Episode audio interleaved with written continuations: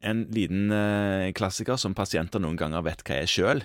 Ja. Ja, de kommer med en kul oppå håndbaken, Ja. og så har de googla seg fram til at dette må være et ganglion. ja. Og det, det har jeg tenkt på. Ganglion. Jaha. For det at de ganglionene jeg lærte om på doktorskolen først, det hadde noe med nervesystemet å gjøre.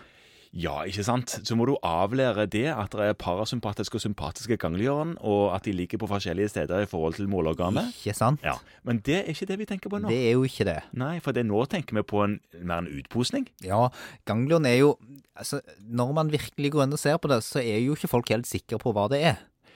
Nei, altså folk som Altså de voksne. Som, De voksne, de som forsker på sånt. Ja. men det er en slags cystisk utposning på en ledd eller en slimpose eller en seneskjede. Ja, men de er, det er sånn synovia-kledde greier. Det er sånne greier. Ja. Og så lager det en syste, og så fyller det seg med en eller annen sånn ø, geléaktig, viskøs væske. Ja, jeg trodde det egentlig var synovialvæske, men det, det altså Ja, det uansett har utgangspunkt fra en leddkapsel eller fra en seneskjede, Ja.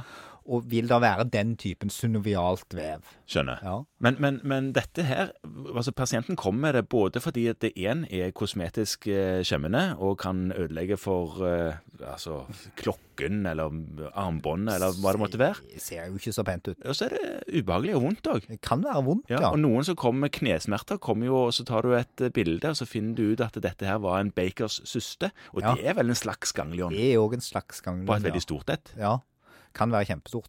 Og de tilheler jo av og til av seg selv. Ja, disse eh, bakers systene, ja. Ja, ja, De det går kan- plutselig aldeles i stykker med kjempesmerter, og så er pasienten fin etterpå. ja, for nå er du inne på det som eh, gjør at enkelte ganger så vil en kiropraktor ta i et sånt ganglion. ja. Ja, og det kiropraktorene gjør, det er jo at de går inn og klemmer alt de eier og har på den vonde kulen til den kulen rett og slett sprekker. Ja.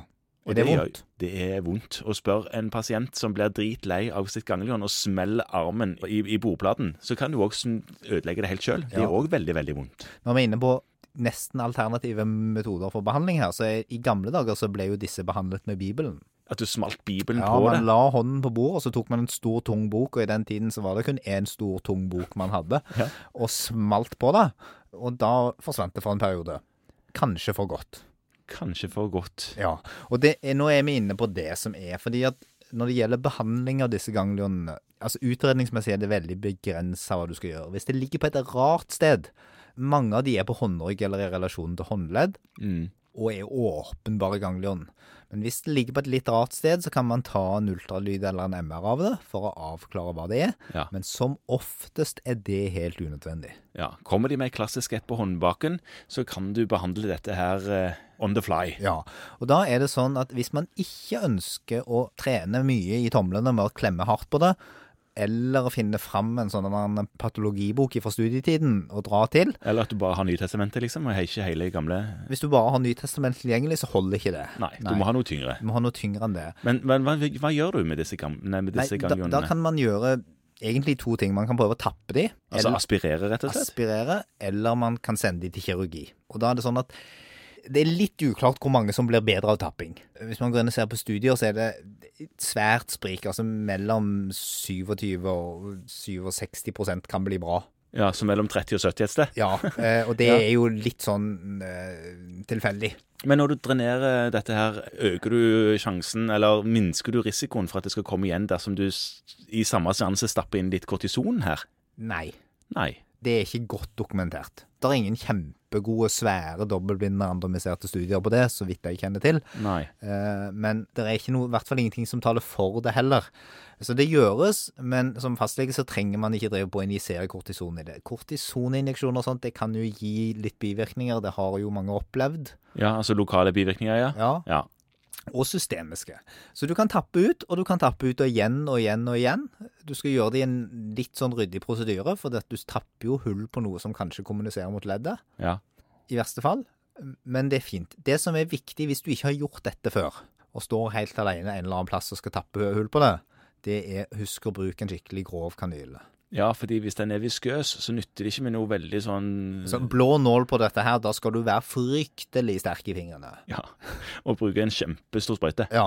Ja, Så- med stort volum. Men ta en stor sprøyte, så du får et skikkelig undertrykk, og bruk en grov nål. Mm.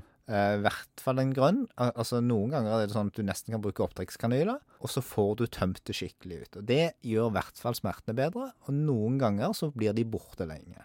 Ja. Så kan du henvise til kirurgi. Det har også en høy residivfrekvens. Ja.